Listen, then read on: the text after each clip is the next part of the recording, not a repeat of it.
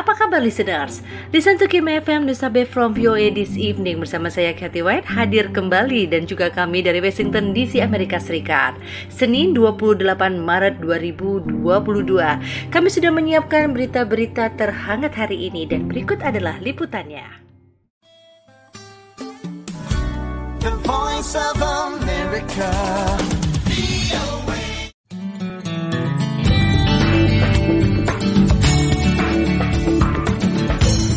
VOA this evening.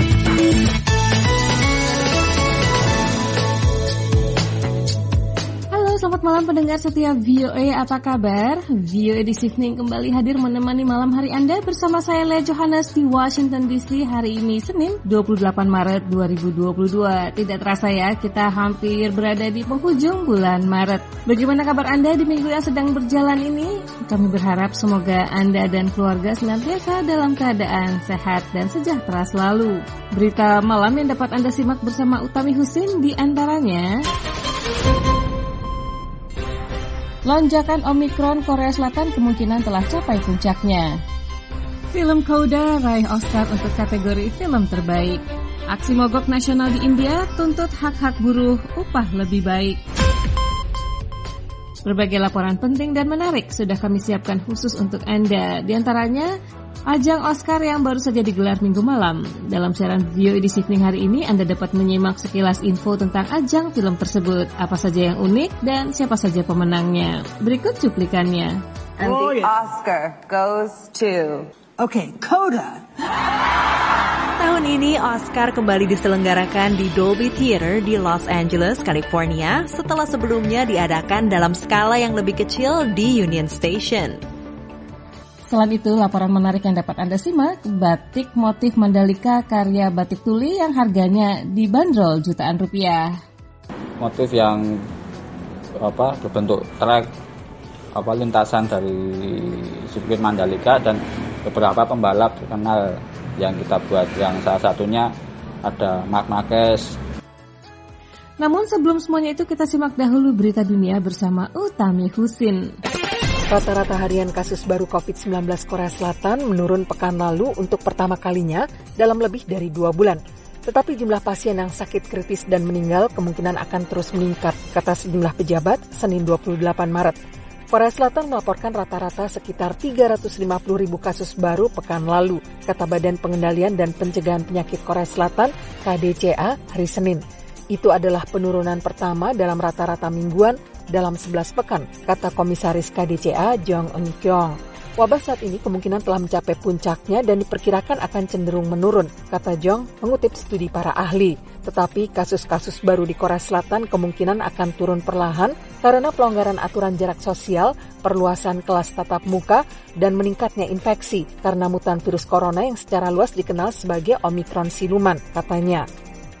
Dewan Keamanan PBB telah menyatakan keprihatinan mendalam terkait keputusan penguasa Taliban di Afghanistan yang tidak memberi akses pendidikan sekolah menengah bagi anak-anak perempuan dan meminta kelompok itu agar membuka kembali sekolah bagi siswa perempuan tanpa menunda-nundanya. Para anggota Dewan Keamanan mengukuhkan kembali hak pendidikan bagi semua orang Afghanistan, termasuk anak-anak perempuan, kata pernyataan dari PBB hari Minggu. Pekan lalu, Taliban menarik pernyataan bahwa sekolah menengah akan buka bagi anak-anak perempuan, dengan mengatakan sekolah itu akan tetap ditutup hingga ada rencana yang disusun sesuai hukum bagi mereka untuk membuka kembali sekolah-sekolah tersebut. Amerika secara mendadak membatalkan pertemuan dengan Taliban di Doha yang telah disiapkan untuk menangani isu-isu ekonomi penting karena keputusan itu, kata para pejabat Amerika Jumat pekan lalu. Presiden Ukraina Volodymyr Zelensky mengatakan kedaulatan dan integritas teritorial negaranya merupakan prioritas sewaktu Ukraina dan Rusia menuju ke babak baru pembicaraan perdamaian. Kami benar-benar menginginkan perdamaian tanpa ditunda-tunda, kata Zelensky dalam pidato melalui video minggu malam ada peluang dan kebutuhan untuk pertemuan tatap muka di Turki. Ini tidak buruk, mari kita lihat hasilnya, lanjut Zelensky. Sebelumnya hari Minggu dalam percakapan dengan beberapa wartawan Rusia, Zelensky mengatakan Ukraina terbuka untuk menerapkan status netral sebagai bagian dari kesepakatan damai jika ini disertai jaminan pihak ketiga dan diajukan untuk referendum. Reuters mengutip seorang pembantu Zelensky yang mengatakan Turki termasuk di antara negara-negara yang dapat menjadi penjamin bagi Ukraina dalam isu-isu keamanan. Turki siap menjadi tuan rumah pembicaraan terbaru. Presiden Turki Recep Tayyip Erdogan berbicara melalui telepon hari Minggu dengan Presiden Rusia Vladimir Putin, dengan kantor Erdogan menyatakan bahwa ia menekankan perlunya gencatan senjata dan lebih banyak bantuan kemanusiaan di kawasan. Menteri Energi Uni Emirat Arab kembali menegaskan pentingnya aliansi minyak dengan Rusia. Menteri itu berbicara pada konferensi energi di Dubai hari Senin. Ia mengatakan Rusia dengan produksi 10 juta barel minyaknya per hari adalah anggota penting aliansi energi OPEC+. Ia menolak saran agar Uni Emirat Arab meningkatkan produksinya secara sepihak. Kesampingkan politik, produksi minyak Rusia dibutuhkan saat ini, kata Suhail Al-Mazrui. Kecuali ada yang bersedia datang dan membawa 10 juta barel, kami tidak melihat ada pihak yang dapat menggantikan Rusia lanjutnya. Dipimpin oleh Arab Saudi dan Rusia, aliansi tersebut memiliki kapasitas untuk meningkatkan produksi minyak dan menurunkan harga minyak mentah yang telah melonjak melewati 100 dolar per barrel. Amerika Serikat, negara-negara Eropa, Jepang, dan lainnya telah meminta produsen-produsen minyak teluk Arab untuk berbuat lebih banyak untuk membantu menurunkan harga. Perdana Menteri Israel Naftali Bennett telah dites positif terjangkit COVID-19 kata kantornya hari Senin setelah ia bertemu Menteri Luar Negeri Amerika Anthony Blinken. Bennett yang bertemu Blinken hari Minggu di sela-sela pertemuan puncak bersejarah Israel dan para diplomat Arab merasa baik-baik saja dan akan melanjutkan jadwalnya sesuai rencana dari kediamannya, kata pernyataan dari kantornya. Juga hari Minggu, Bennett mengunjungi kota Hadera, Israel Utara, setelah orang-orang bersenjata menembak mati dua polisi dalam serangan yang diklaim kelompok jihadis ISIS. Foto-foto yang diterbitkan media Israel setelah lawatannya ke Hadera, di mana ia juga diberi pengarahan oleh polisi mengenai serangan itu, memperlihatkan Bennett mengenakan masker. Tetapi Perdana Menteri tidak mengenakan masker dalam konferensi bersama dengan Blinken pada hari Minggu. Film Koda yang berkisah mengenai keluarga tunarungu yang memiliki seorang anak perempuan yang normal pendengarannya meraih penghargaan Oscar bergengsi sebagai film terbaik hari Minggu. Ini adalah pertama kalinya layanan streaming membawa pulang hadiah terbesar dalam industri perfilman tersebut. Koda dirilis oleh Apple TV Plus yang mengalahkan The Power of the Dog, film pesaingnya Netflix, serta film-film lain produksi studio tradisional Hollywood. Will Smith meraih Oscar pertamanya sebagai aktor terbaik berkat perannya dalam film King Richard. Jessica Chastain mendapat penghargaan aktris terbaik karena perannya sebagai penginjil di televisi Tammy Faye Baker dalam film The Eyes of Tammy Faye. Jutaan pekerja memulai aksi pemogokan nasional selama dua hari di berbagai penjuru India, Senin, untuk mengekspresikan kemarahan mereka pada kebijakan ekonomi pemerintah dan untuk mendukung tuntutan perbaikan hak-hak bagi para pekerja industri, karyawan, dan petani. Lebih dari 10 serikat pekerja di negara itu yang mengorganisir pemogokan tersebut ingin pemerintah memberikan perlindungan jaminan sosial universal bagi para pekerja di sektor besar yang tidak terorganisir, menaikkan upah minimum di bawah program jaminan kerja, dan menghentikan privatisasi bank-bank sektor publik. Para peserta pemogokan juga menuntut pemerintah menghentikan rencananya untuk menguangkan aset-aset negara.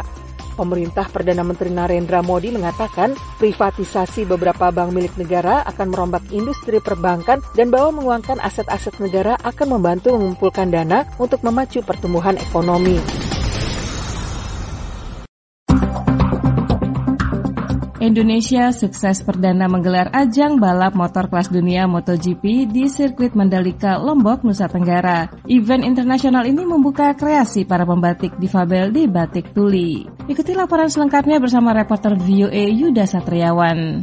Dian Primadika dan Munir tak pernah merasakan dan mendengar raungan motor yang sedang balapan, riuhnya penonton maupun komentator di televisi apalagi melihat serunya balapan MotoGP yang sedang digelar di sirkuit Mandalika, Nusa Tenggara. Dian dan Munir adalah pekerja di Fabel tunarungu di Batik Tuli Lawean Solo. Keduanya hanya mampu menuangkan batik kreasi MotoGP di lembaran kain. Tangan-tangan mereka terus bergerak lincah mengikuti garis pola motif yang membentuk pernak-pernik MotoGP Mandalika. Pengelola Batik Tuli Lawean Solo Muhammad Taufan Wicaksono saat ditemui VOA di rumah produksinya akhir pekan kemarin mengatakan ide membuat batik bernuansa MotoGP Mandalika ini sebagai bentuk kreativitas menyambut Indonesia sebagai tuan rumah MotoGP di Mandalika. Menurut Taufan, berbagai motif tertuang dalam batik yang harganya dibanderol jutaan rupiah ini. Kita ya melihat itu pergelaran MotoGP yang secara lingkup itu internasional yang mana digelar di Indonesia dan itu bisa memungkinkan untuk mempromosikan batik motif yang apa berbentuk trek apa lintasan dari sirkuit Mandalika dan beberapa pembalap terkenal yang kita buat. Yang salah satunya ada Mark Marquez ada legenda MotoGP kita Andino Rossi untuk bisa menjadi ajang promosi untuk rekan-rekan disabilitas tunarungu ini. Batik Tuli memiliki lima pekerja tunarungu yang memiliki keterampilan dan tugas berbeda. Ada yang membuat pola, membatik, mewarnai, dan sebagainya. Ruang produksi batik tuli sangat sunyi. Seorang desainer tunarungu, Dian Primadika menunjukkan kepada VOA gambar Presiden Jokowi mengendarai motor di sirkuit Mandalika akan menjadi motif batik berikutnya. MotoGP Mandalika pun mengangkat batik sebagai keunikannya dibanding beragam sirkuit lain di dunia. Area di lintasan balap sirkuit Mandalika diberi motif batik kain tenun ikat khas Sasak. Tak hanya sirkuit trofi peraih podium di laga MotoGP Mandalika kali ini juga bermotif batik. Pembalap MotoGP asal Spanyol Alex Rins senang dengan batik. Menteri Pariwisata dan Ekonomi Kreatif Sandiaga Uno dalam video resmi Kemenparekraf mengatakan Indonesia sebagai tuan rumah MotoGP di Mandalika menjadi era kebangkitan pariwisata dan ekonomi pasca pandemi. Saya ingin menyampaikan rasa bangga. Indonesia memiliki Mandalika sirkuit dan event ini karena ini adalah simbol kebangkitan ekonomi kita, simbol kepulihan sektor kita setelah diterpa pandemi selama dua tahun. Banyak peluang usaha, banyak lapangan kerja. Saya lihat di sini UMKM-nya juga sudah mulai menggeliat. Dari Jawa Tengah, Yudhisa Tirawan melaporkan untuk VOA Washington. Sebulan sejak invasi Rusia ke Ukraina dimulai, warganet Indonesia masih terus menunjukkan dukungan terhadap pasukan Presiden Rusia Vladimir Putin. Meski demikian, sentimen warganet disebut pengamat tidak akan berpengaruh terhadap kebijakan luar negeri Indonesia dalam merespon konflik di Eropa Timur itu. Berikut laporan selengkapnya. Dalam unggahan akun Instagram VOA Indonesia 24 Maret 2022 berjudul Zelensky ada sanksi baru, Putin bayar gas pakai rubel, mayoritas warganet menunjukkan dukungan mereka terhadap Putin. Salah satu akun menulis mantul Rusia dilawan. Banyak lainnya mengetik kata ura yang merupakan slogan pasukan bersenjata Rusia saat bertempur. Komentar-komentar pro-Rusia warganet Indonesia tersebut tidak hanya terdapat pada unggahan itu, melainkan pada unggahan lainnya mengenai konflik Rusia-Ukraina yang diposting berbagai akun berita lintas media sosial kata Dudi Rudianto, pendiri platform pemantauan dan analisis big data Evelo yang berbasis di Jakarta. Sebagian besar netizen Indonesia kalau terbaca oleh Evelo itu di TikTok itu 95 persen, di Instagram 73 persen itu menyatakan dukungannya terhadap uh, Rusia setelah Zelensky curhat bahwa Ukraina ditinggal nih oleh oleh NATO dan negara-negara barat gitu. Sentimen pro-Rusia warganet Indonesia mengejutkan Radityo Dharma Putra, dosen hubungan internasional Universitas Erlangga.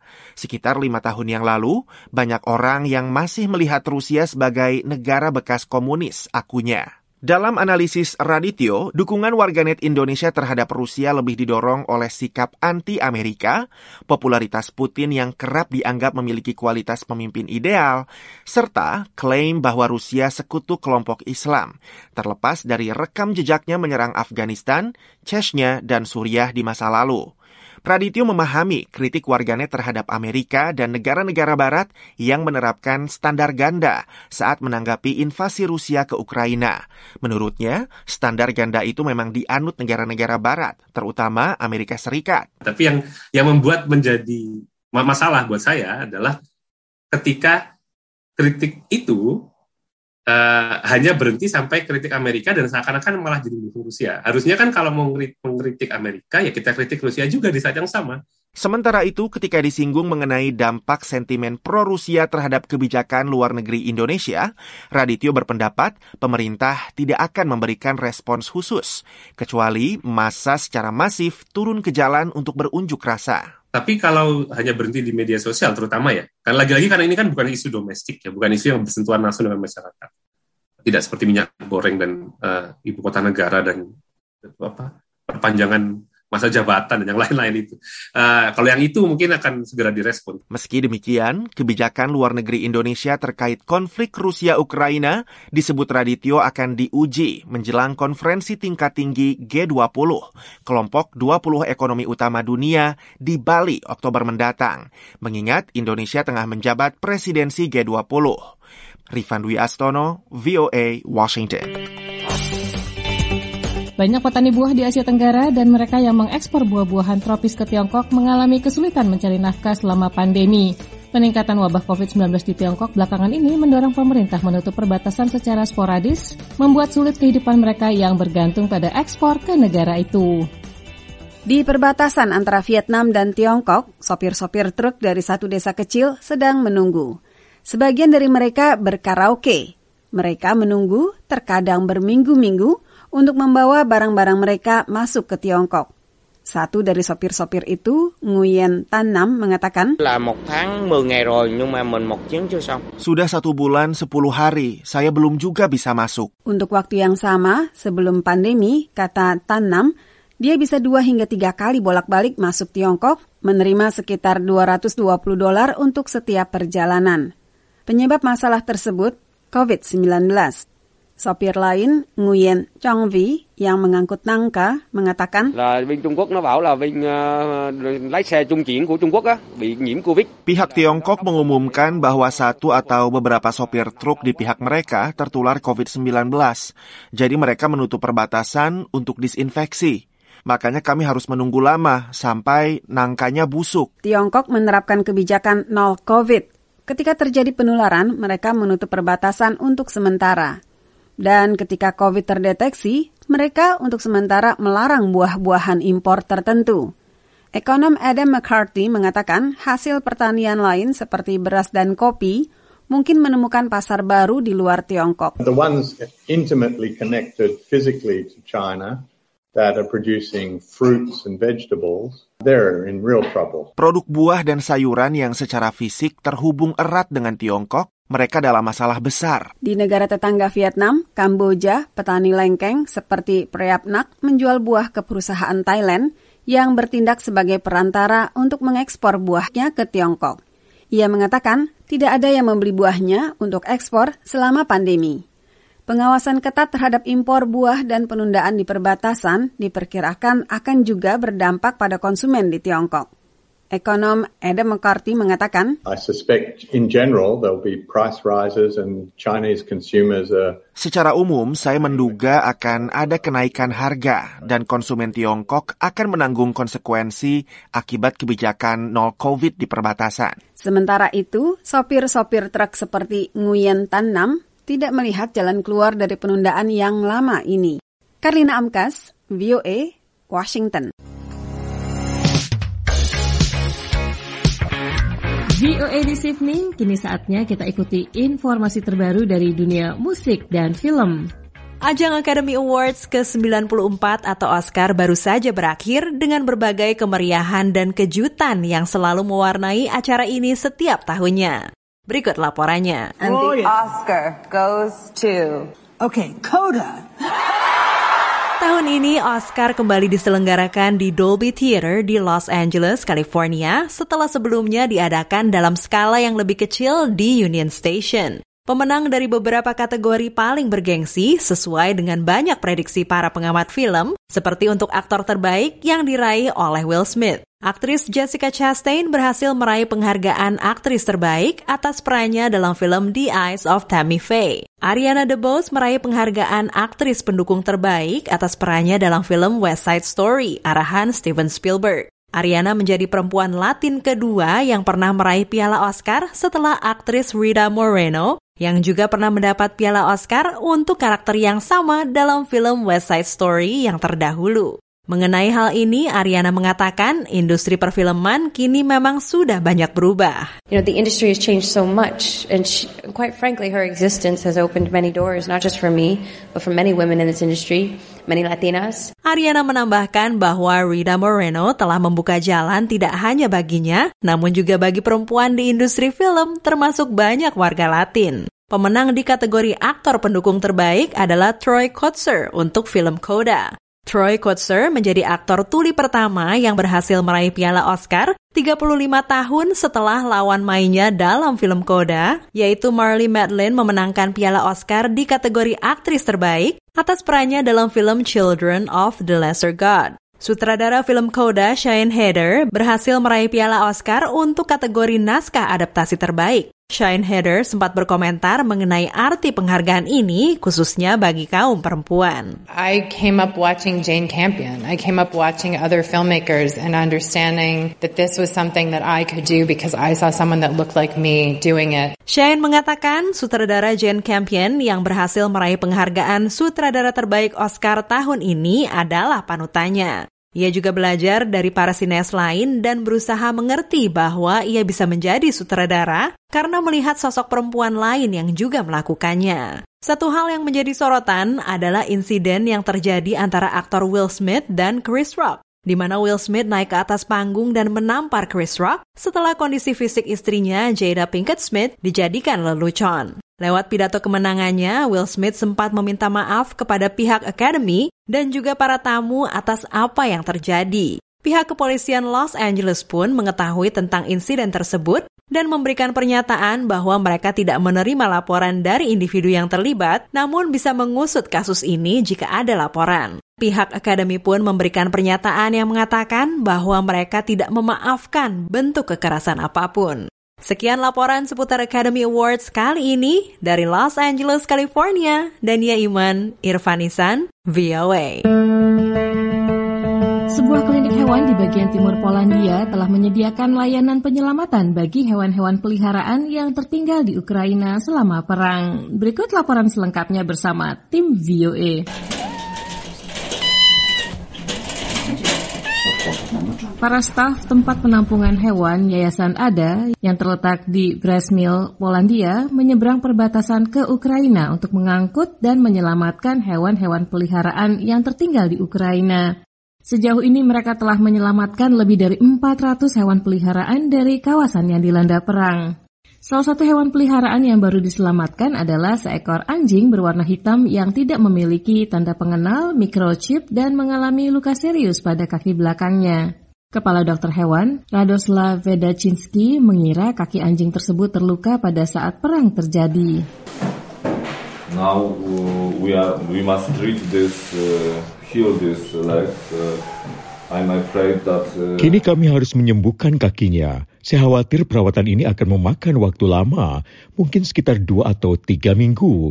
Di Ukraina akan sulit untuk merawatnya, jadi kami memutuskan untuk membawanya ke Polandia. Vedacinski menyebut kliniknya sebagai tempat transit bagi hewan-hewan peliharaan dari Ukraina. Kota Przemyls yang berjarak hanya 14 km dari perbatasan dengan Ukraina telah dikenal sebagai tempat bagi pengungsi yang tiba atau lewat melalui Polandia. Sasha, yang oleh para staf disebut sebagai bintang di klinik tersebut, adalah seekor bayi kambing albino yang tiba dengan salah satu konvoi penyelamatan hewan. Seperti kebanyakan hewan lainnya, asal-usul dan pemilik Sasha tidak diketahui keberadaannya. Sasha senang berdiri di bawah sinar matahari agar tetap hangat. Klinik hewan tersebut saat ini menampung sekitar 80 ekor kucing setelah 50 ekor lainnya dikirim ke Jerman untuk diadopsi.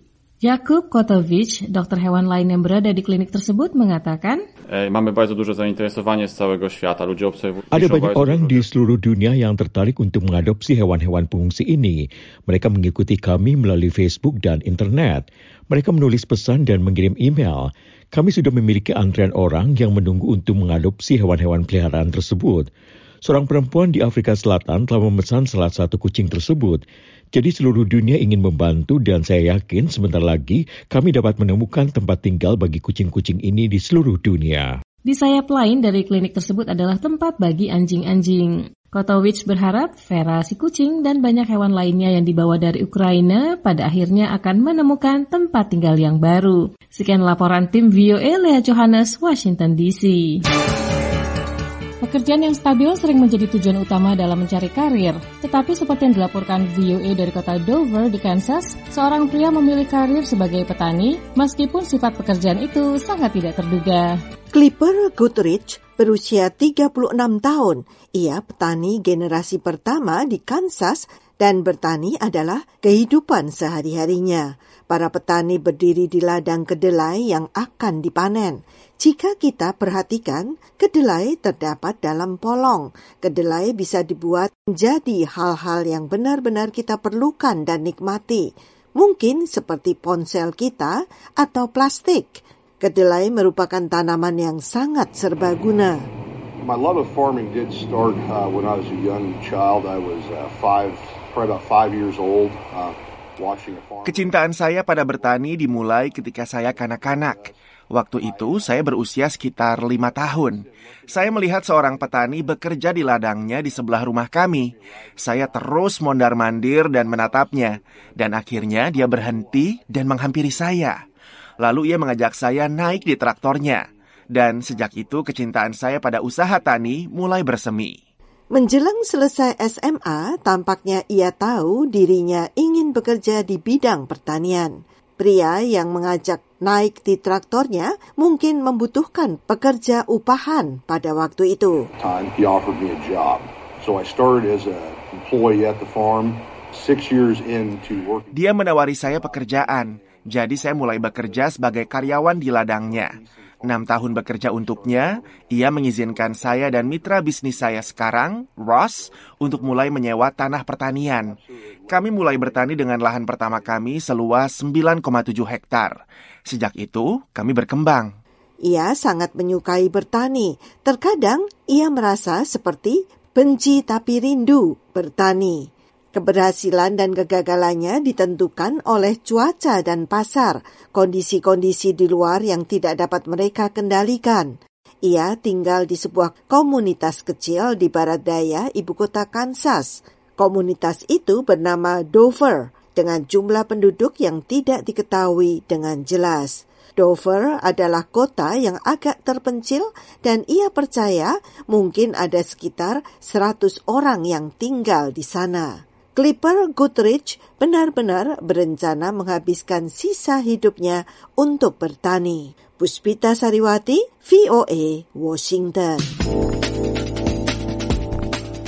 Menggali kreativitas dari irisan jeruk, biji kopi, kelopak bunga sisa menjadikannya aksesoris unik adalah kelebihan Alicia Weintraub, diaspora Indonesia, pemilik Alice Good. Dijual secara daring, Ali juga menawarkannya di toko dadakan di Annandale, Virginia yang menarik pengunjung yang datang. Berikut laporan selengkapnya bersama tim VOA. Terus pas lihat pas lihat lime gitu kering, terus kepikiran kayaknya kalau untuk dibikin anting-anting lucu gitu. Di tangan Alessia Weintraub, anak muda usia 27 tahun, pemilik Ales Goods, irisan jeruk limau pun menjelma menjadi anting-anting. Idenya out of the box atau kreatif, serta kerap memanfaatkan material untuk didaur ulang menjadi aksesoris buatan tangan yang unik. So I bought this one and it uses like dry um, flower petals. It was Saya beli anting-anting yang terbuat dari kelopak bunga kering. Bagus sekali. Ale memulai bisnis aksesoris ini sejak 2016 waktu masih tinggal di Indonesia. Setelah pindah ke Amerika tahun 2018, ia kembali menekuni bisnis kerajinan tangan, terutama saat kehilangan pekerjaan karena pandemi. Barang-barang yang saya punya itu handmade. Um, bahannya itu dari polymer clay. Jadi prosesnya sama seperti kita bikin cookies, uh, harus di bake, terus harus dibentuk segala macam, terus ada banyak warna juga. Karena handmade, aksesoris yang ditawarkan Ale menjadi lebih personal. Inilah yang dicari pelanggan seperti Diana Danem dan Asi Shaf yang datang ke event pop-up di Annandale, Virginia, tempat Ale menawarkan produknya setiap akhir pekan. Karena kita suka uh, uh, pakai produk-produk yang unik, yang tidak mainstream, pekerjaan mereka uh, mereka kerjakan secara sendiri, bukan mesin yang melakukan. Uh, jadi uh, segala sesuatu yang mereka jual itu sesuatu yang unik. Dia sangat uh, berani bermain warna dan desain-desain dia pokoknya warna-warnanya tuh sangat cerah. Menurut Ale yang juga bekerja sebagai barista, tantangan utama dalam menjalankan bisnisnya adalah menjaga kedisiplinan. Kerja di kafe kan di sini required uh, 8 jam gitu ya harus berdiri terus emang jalan dan nggak duduk gitu nggak duduk sama sekali jadi kadang-kadang setelah uh, selesai kerja setelah 8 jam berdiri mau ngerjain anting-anting bikin anting-anting itu rasanya udah kayak aduh udah capek gitu Terus tapi ya itu like we have to fight our laziness. Memang diperlukan kesabaran dalam membuat karya buatan tangan. Untuk membuat 10 pasang anting, menurut Ale dapat memakan waktu sampai 5 jam. Perlahan namun pasti, Ale bertekad untuk semakin memperkenalkan Alice Goods kepada publik Amerika. Dari Anandel, Virginia, Dania Iman, Nia Iman Santoso, VOA.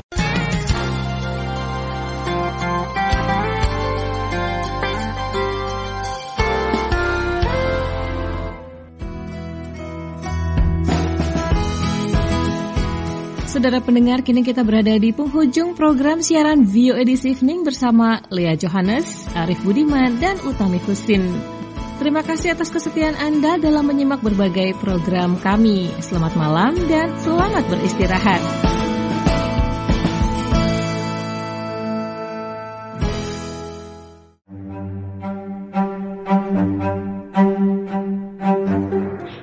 Kasih Anda sudah mendengarkan Listen to Kim FM News Update from VOA this evening bersama saya Kathy White.